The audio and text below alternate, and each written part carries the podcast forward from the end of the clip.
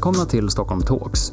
Nu bjuder fastighetsägarna in till samtal om Stockholms framtid. Vi tror det behövs en arena för diskussionen om var den här staden är på väg. Hur rustade är stockholmarna och hur rustade är Stockholm som stad för allting som kommer att hända framöver? Vilka är våra möjligheter och utmaningar? Och inte minst, vad gör stockholmarna glada? Vad gör att våra besökare vill återvända? Du är välkommen att lyssna, men du är också precis lika välkommen att delta i det samtalet som alla stockholmare behöver vara med i. Välkomna till ett eh, nytt avsnitt av eh, Stockholm Talks, Fastighetsägarna Stockholms samtalsserie om Stockholm, fastigheter och eh, som vi brukar säga allting spännande som händer mellan fastigheterna. Det har ju i många av våra program handlat om eh, mycket saker som vad händer med stadsutveckling i Stockholm, hur händer med restaurangscenen och det kulturella. Nu ska vi prata om helt andra saker som händer mellan eh, våra fastigheter och i vår stad, nämligen hur vi egentligen får kraftförsörjning och el och elektricitet och i, i dessa tider utav väldigt många utmaningar på det planet. Eh, Lina Bertling Tjernberg, du är professor i elkraftnät på KTH och utsågs förra året till en av energisektorns mäktigaste personer. En av de tydligaste och mest frekventa experterna som har hört sedan energikrisen brakade loss. Varmt välkommen! Tack så mycket.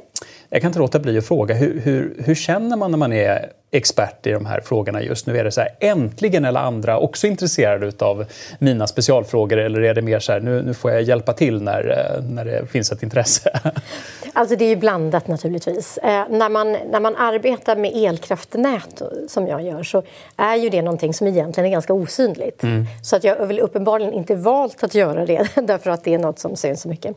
Men samtidigt är det så att eh, när man är forskare och vetenskapsperson och även ingenjör så älskar man ju att få eh, få tala om sitt ämne mm. och, och, bidra så. Så det har ju varit väldigt roligt att känna att jag kan faktiskt bidra. Mm. Så det har jag uppskattat väldigt mycket.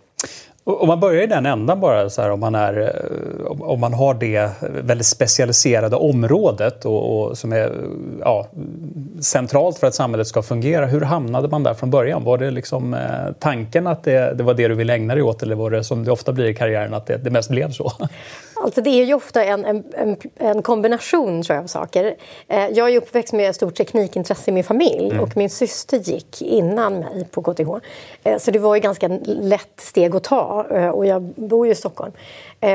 Att jag hamnade just i det ämnet jag hamnade i var väl för att jag är intresserad av matematik. Mm. Och det finns ju olika spår. Antingen så är man intresserad av matematiken i sig eller så vill man tillämpa den. Och mm. jag har, har alltid tilldelats av till, tillämparen. Och då är det då tillförlitlighet som jag är intresserad av, mm. driftsäkerhet. Och sen var det lite ett slump att jag hamnade just på elkraftsidan ska jag säga.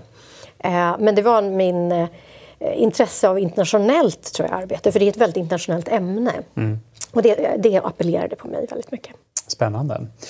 Om man ska börja liksom så här, där man nästan måste börja ett sånt här samtal så blir det ju, nu har hela samhället fått lära sig eh, väldigt praktiskt här att vi är mitt i en energikris. Varför är vi det? Om man ska så, så pedagogiskt och enkelt förklara varför är vi i det här problemet som vi är? Utöver det uppenbara att eh, Putin har liksom skapat en, en krig och katastrof i Europa. Jag skulle svara så här, att om man ser på Sverige så är ju vi en industrination.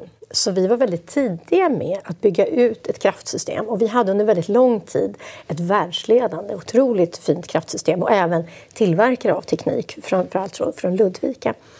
Eh, sen har man sett en förändring väldigt mycket inom energisystemet som varit ganska mycket politiskt styrd. Eh, vi hade vattenkraften från början och sen började vi bygga kärnkraft.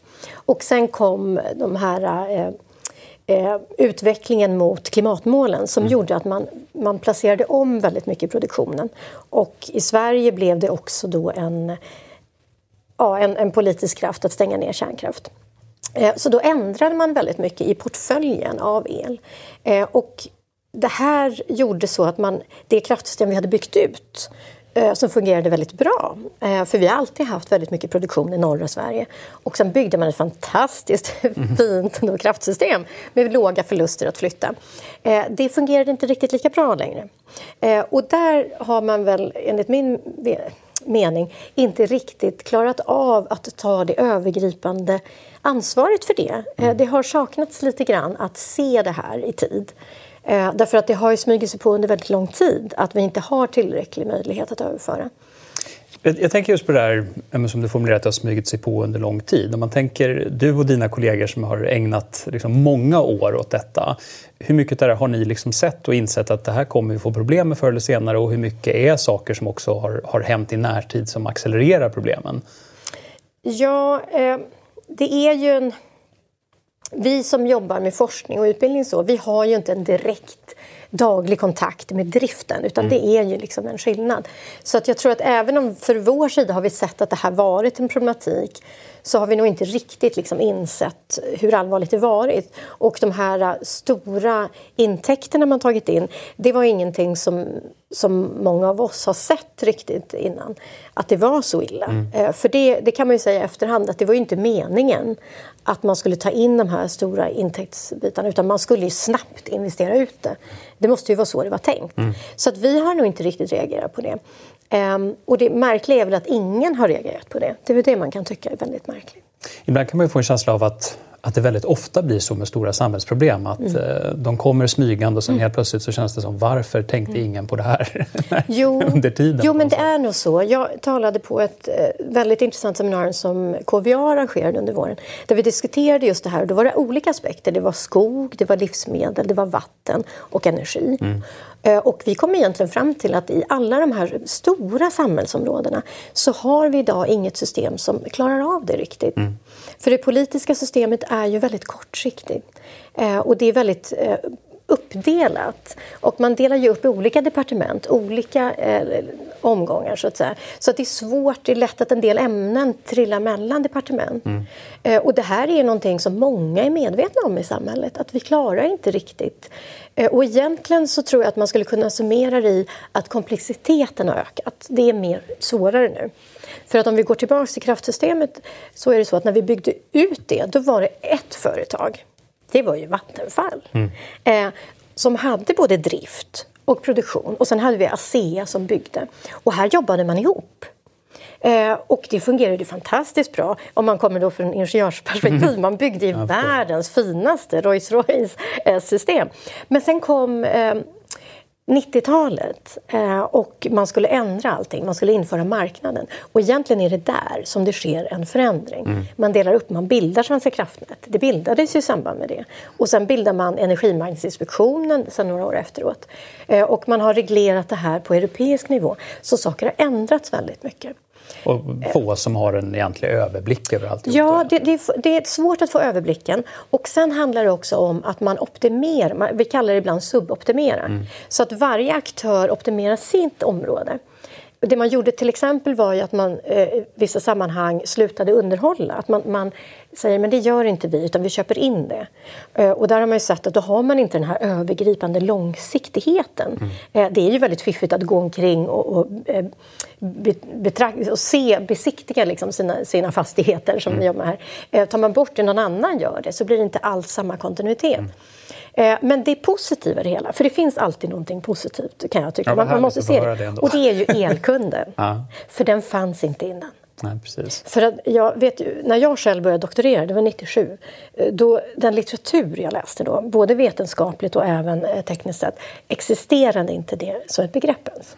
Det fanns inte. Så innan man införde elmarknad så fanns det bara nodpunkter där man skulle leverera en viss kvalitet. Mm. Eh, och det vi ser nu som är så intressant det är ju att eh, kunden börjar bli en väldigt aktiv aktör. Ja, rätt mycket känns det som i ja. debatten att det handlar om ja. vad, kan, vad kan jag som kund Absolut. göra? Absolut. Och det är det som egentligen är det riktigt positiva i det här. Mm. Därför att vetenskapligt så har ju vi egentligen, ska jag säga, 10-12 år har vi jobb, arbetat med de här frågorna. Men det har inte gått igenom, det har inte slagit igenom. Därför att kunderna inte varit intresserade. Eh, och varför inte då? Jo, för att det har väl inte kostat någonting. Eller man har inte haft annat för sig. Mm. Så att det finns, egentligen är vi faktiskt beredda kan man också säga, jag tänker, men nu, är det fastighetsägarna som står för, mm. för den här podden så det blir naturligt att ta liksom en liten sån utgångspunkt. Men jag märker ju att vi har också en del medlemmar som konstaterar att nu finns det helt plötsligt ett antal investeringar när det gäller energieffektivisering och annat som väldigt snabbt blir lönsamt som man kanske hade velat ja, göra men det här kan bli en, det kan väl kanske vara en positiv aspekt också ja. av det. Ja, visst. Om man tänker så här då att å ena sidan så vet vi att hela den här diskussionen finns i hela Europa just nu. Eh, alla pratar om, eh, hörde senast i, i morse, att man ska stänga ner operan i Budapest under vintermånaderna oj, för att man oj, inte har råd med elektriciteten ja. och sådär. Om man tänker om man jämför, hur, hur, hur, stora problem har vi i Sverige jämfört med Europa? Eller har vi alla nu ungefär samma typ av bekymmer? Egentligen så är ju jag brukar säga så här, vi behöver se det i två olika perspektiv. Det ena är själva tillförseln. Eh, och där har vi extremt bra eh, laddat för vi, har väldigt, vi är ett stort exportland. Mm. Så att bortfallet eh, av det som faller bort, att vi blockerar import från Ryssland, är väldigt litet egentligen. Men det är stort i vissa platser för de, mm. de få, de här tre procenten som vi använder gas är väldigt fokuserade på ett ställe. Så där är det, det kan vi hantera relativt enkelt. Men sen är det ju kostnadsbilden. att det går upp i hela Europa. Därför att vi har den här stora bristen och det ökar upp kostnaderna. Och det är ju ett, ett reellt problem. Eh, så att, och det tillsammans gör ju att vi måste hantera det här på något vis eh, för, att få ner, för att få det här att fungera i det stora hela. Därför att vi är ju ett sammansatt system så att vi hänger ihop med Europa så vi mm. behöver lösa det här tillsammans. Ehm, så det är en utmaning. Men vi kommer inte alls behöva agera lika hårt som många andra länder. Det inte samma inte typ Nej. av akutinsatser? Liksom. Men sen är det fortfarande så att det är alltid rätt väg att gå, att göra saker smart. Mm. Eh, och det vi såg redan innan kriget kom, redan förra året så har vi, vi har haft en utveckling under ett antal år att de här timmarna på året där vi har en brist i systemet, de har ökat. Eh, och när det var en kall vinter nu senast då fick vi ju väldiga problem med höga kostnader i vissa områden. Eh, och det har ju synliggjort någonting som var något som vi borde ha gjort innan. Och det är just det här att om man har ett alternativ ska man inte ha direktverkande el för uppvärmning. Eh, det är inte, finns det alternativ så är det ehm, bättre att göra så. Man, man får mindre förluster totalt i systemet.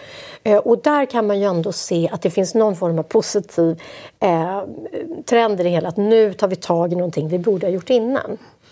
Eh, energieffektivisering är ju också ett område där jag tror många av oss har väl tänkt att ja, men vi är väl rätt så bra.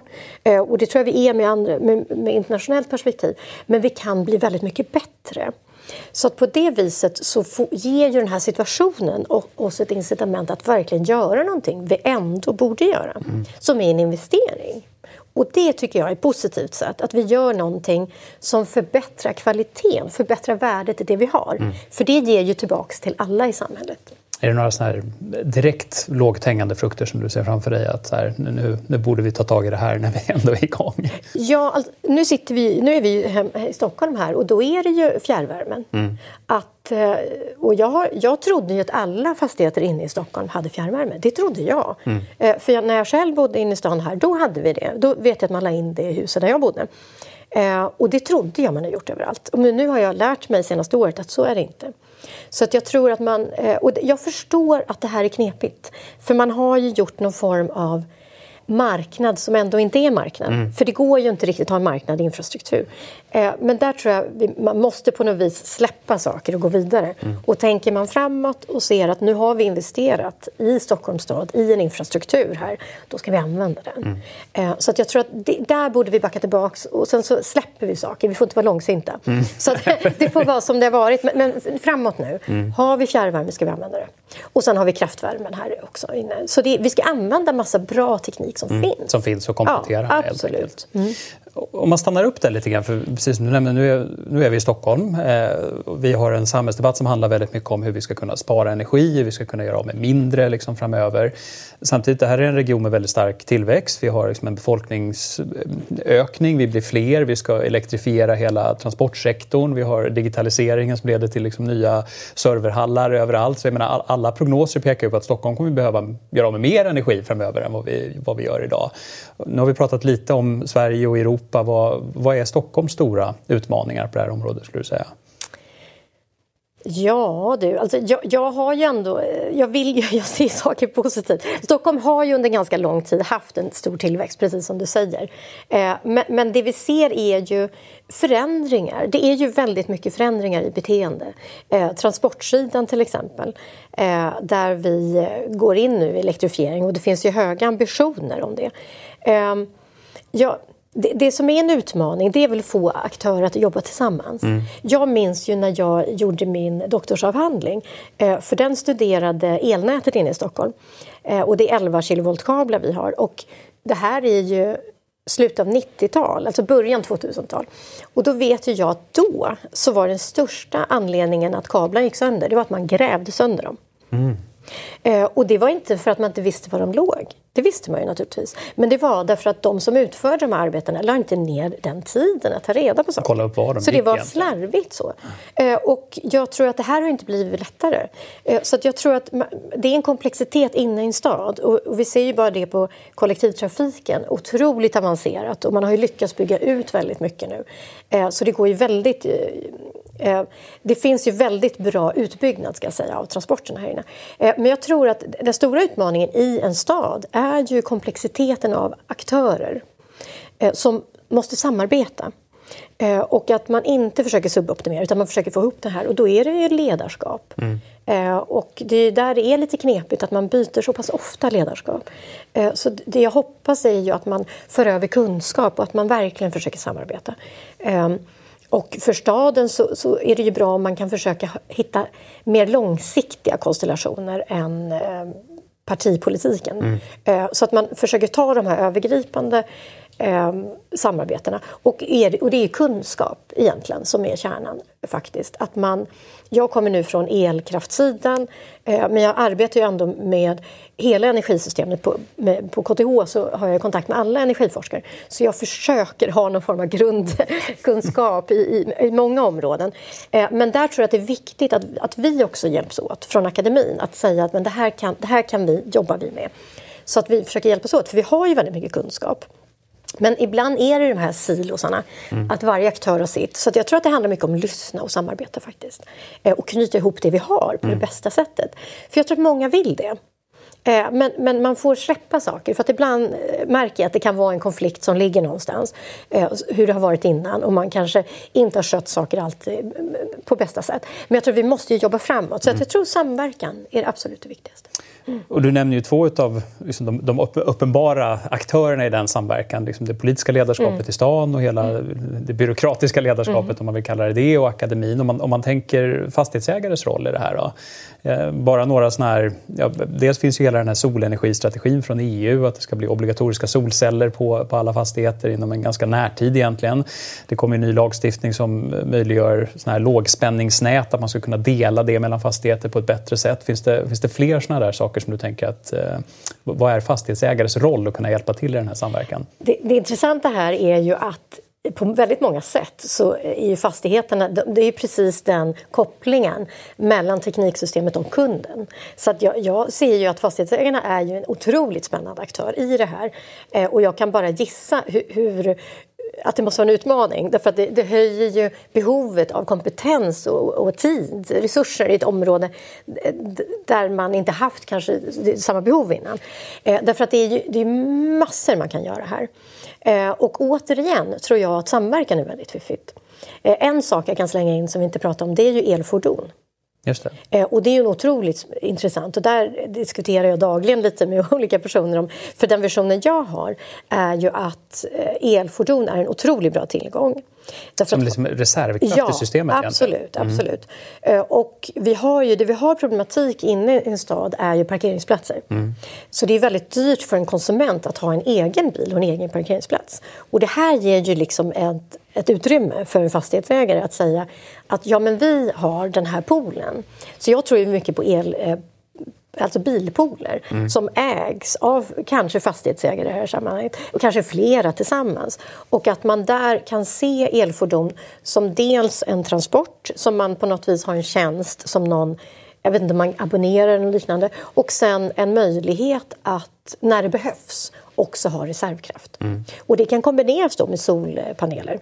Men, men egentligen för, för att förenkla det då så skulle man kunna säga att då, man laddar elbilarna när det finns gott om utrymme i näten och när det blir effekttoppar så kan man liksom ta tillbaka lite yes. kraft från batterierna i ja. bilarna. Ja. Egentligen. Ja.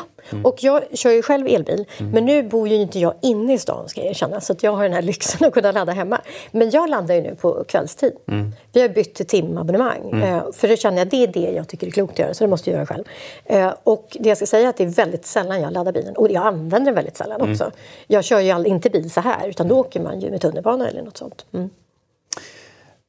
Den här diskussionen som har varit med, för när man tittar på den, en del använder ju det här begreppet, vi står inför en krigsvinter i det närmaste och då finns ju både diskussionen om att det blir väldigt, väldigt dyrt, hur ska man klara elräkningarna liksom framåt? Och det gäller ju både privatpersoner och företag och sådär. Och sen finns ju den här mer eh, diskussionen om att här, det kommer bli svart för att man, man kommer behöva släcka ner här och var. Alltså, hur bekymrad är du inför den här vintern? Jag, jag tänker så här att det är alltid bra att vara beredd på saker. Eh, nu är, har ju jag ett sånt typ av yrke som vi jobbar väldigt långsiktigt. Mm. Så jag tycker det är alltid bra att vara beredd. Och det är bra att ha en kunskap, att veta det här kanske kan hända. Eh, sen är det alltid bra att ha alternativ. Eh, det, det gäller ju både transport transporter och uppvärmning och så vidare. Att man tänker, vad, vad, vad kan jag göra om det blir kallt? Jo, men jag kanske har en eldstad eller jag har en gasol, någonting sånt. Eh, så att jag tycker det är bra att ha den reflektionen och det är bra att ha den kunskapen. Men man ska inte oroa sig. Mm. Inte alls. Därför att vi har ju ett otroligt stabilt kraftsystem. Eh, och vi har också, det man har gjort senaste åren är att man har installerat mycket fin teknik för att kunna koppla i, ifrån mm. laster, kunder. Och eh, det vi tror, vi hade, jag vet inte om ni lyssnade på lördagsintervjun här med, med Svenska kraftnät, så vi diskuterade det precis eh, häromdagen att vi tror ju inte i Sverige att det här kommer vara ett stort problem. Och det man gör är ju alltid att om man ska göra någon form av bortkoppling, då planerar man det innan och mm. informerar. Det finns ju, vi, vi har ju forskning i, med samarbete med Afrika till exempel och där är det rätt vanligt. Många länder i Afrika har det. det roterande bortkoppling och då vet man det innan. Att mellan klockan fem och sex då mm. stängs det av. Eh, så att, ja, man ska inte vara orolig, jag tycker inte det. Men däremot ska man se det som ett tillfälle att passa på att göra någonting man ändå borde göra. Och man kan passa på att Ja, att vara beredd. Och så tror jag det generellt i samhället, att det är bra att vara lite beredd. Det kan ju vara så att man, eh, häromdagen så var det stopp i tunnelbanan till exempel. Och då tänker man, ja men hur tar man sig till de här punkterna mm. om man ska över en bro eller någonting. Så att jag tror att oavsett saker i samhället så är det alltid bra att tänka igenom saker. Därför att vi, vi är ju också inför tyvärr en, en situation att ett krig är inte helt orimligt liksom, i framtiden. Så det är även bra att, av det skälet att man har en form av robusthet. Men det är den här krisberedskapen som vi har pratat om länge ja, nu. Att det, ja. det, är inte så dumt att fundera igenom Nej. hur klarar jag mig i ja. några timmar eller några ja, men dygn. Det, utan... det är bra och jag tror att ofta det som skapar eh, problematik är ju ofta en, en, osäkerhet, en okunskap, att man inte vet någonting. Eh, så därför så tror jag att kunskap igen är liksom en lösning. Att man i lugn och ro funderar, vad kan vi göra? Har vi till exempel en, en radio? Eh, som, har vi batterier hemma? Mm. Eh, Sådana här saker, att man, att man är lite beredd. Mm. Eh, och sen så är det ju det finns ju vissa funktioner som är kritiska och det vet man ju i ett samhälle och de kommer alltid prioriteras. Så att vi har ju sjukhus, vi har eh, polis, alla de här sakerna. De kommer ju alltid prioriteras. Eh, och det gör ju också att man, att man kanske ska reflektera över det att om man gör någonting som man själv tycker är väldigt kritiskt, då kanske man ska göra det på en plats som också andra bedömer mm. som kritisk. Kan man säga så. Om, om man skulle försöka översätta det där till, till ett konkret råd. Om man tänker så här, ja, säkert många fastighetsägare som, som lyssnar, många av våra stora medlemmar, stora fastighetsbolag, de, de jobbar ju med det här varje dag. Både energieffektiviseringen men också att, att vara en, en del av lösningen här. Om man, om man är en mindre fastighetsägare, man kanske, eh, ja, en bostadsrättsförening som äger ett hus. Vad skulle du göra om du var BRF-ordförande i en fastighet i Stockholm som så här, här får man inte missa antingen att investera i nu eller att passa på att spara på. Vad, vad, vad skulle vara en, ett enkelt tips? Um, Ja, jag tror ju på samverkan. Mm. Så att jag skulle i sådana fall se hur gör mina grannar, hur mm. gör de andra fastigheterna och gå tillsammans. Eh, så skulle jag nog göra, att se vad, vad, gör vi? Så att även om man är själv en liten aktör så kan man ju alltid gå tillsammans med någon annan. Så jag skulle nog göra på det viset, att, att man går ihop och ser. Sen tror jag ju återigen på eh, kunskap och kommunikation. Så att jag skulle nog också bjuda in i fastigheten och berätta hur, hur det står till. Och där beror det ju naturligtvis väldigt vad man har för boende. Mm. Eh, vad det är för typ av fastighet, på vilken, liksom, vilka, ja, vilken plattform man har. Eh, men jag tror ju att man ser att det finns ett intresse. Jag talar ju om mitt arbetsområde med precis alla jag träffar nu. Alla åldrar, både barn och äldre. Och jag tror att väldigt många är intresserade och, och vill veta. Så jag tror att man, eh, man ska ta tiden att kommunicera, tala, fråga eh, och förbereda lite för att saker kommer att vara annorlunda. Mm. För att det, det, vi ser framför oss är ju att eh, Dels så kan vi nog förvänta oss att det blir dyrare framöver. Eh, men också att det varierar. Att, man inte, att saker inte fixar likadant som förut. Och det kan man behöva vänja sig vid. Eh, för det är ett annat sätt att Ja, som vi får börja Jag tänker det du själv var inne på, ja. att många, fler och fler går över till timdebitering. Ja. Man, man, ja, man har vant sig vid att ja. det är ganska dramatiska skillnader mellan natt och dag och så där, på prisnivån till exempel. Mm. Vi ska börja avrunda det här samtalet så, men det, jag tycker att det var i dessa tider av energikris och svarta rubriker så du har ändå anlagt en ganska positiv ton. Du, du känns inte som att vi behöver stänga ner hela samhället riktigt än. Eh, om du skulle säga så här, eller som sista fråga när du ser ut över den forskning som finns just nu eller vad som händer i andra länder eller liksom vad, vad samhällen och städer hittar på. Är det någonting som säger att det här, här är någonting spännande som är på gång eller någonting vi skulle, kommer att behöva lära oss från, från någon annan? Vad, vad, vad är det som finns där i horisonten? Det jag tycker är väldigt spännande det är ju att det system vi har idag är ju ett växel eh, eh, spänningsnät. Eh, men att vi ser framför oss att det finns väldigt mycket ny teknik med lik, eh, likström. Mm. Eh, och det tycker jag är väldigt spännande. För där finns det en möjlighet att spara i förluster mycket. Och det, det tycker jag är väldigt spännande, att man ser ett mixat system. Mm. Spännande, vi får se var det, var det landar. Men Lina Bertling Tjernberg, stort tack för att du vill vara med i Stockholm Talks. Tack så mycket.